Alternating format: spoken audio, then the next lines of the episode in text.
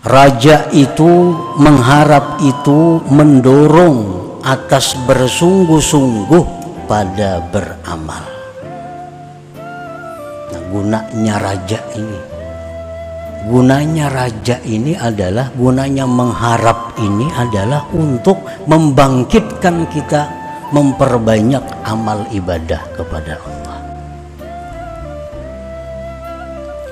Para ulama menyebutkan raja ini mengharap ini seperti sayap burung. Seperti sayap. Nah, sayap burung itu kalau dia tidak berkepak kada bergerak burung tuh halarnya itu nak kada bergerak turunnya bujur ya bahalar cuma kada bergerak nah, turun Nah kalau hendak naik burung itu mesti nah, menggerakkan sayapnya. Jadi raja itu mengharap tuh sama seperti sayap.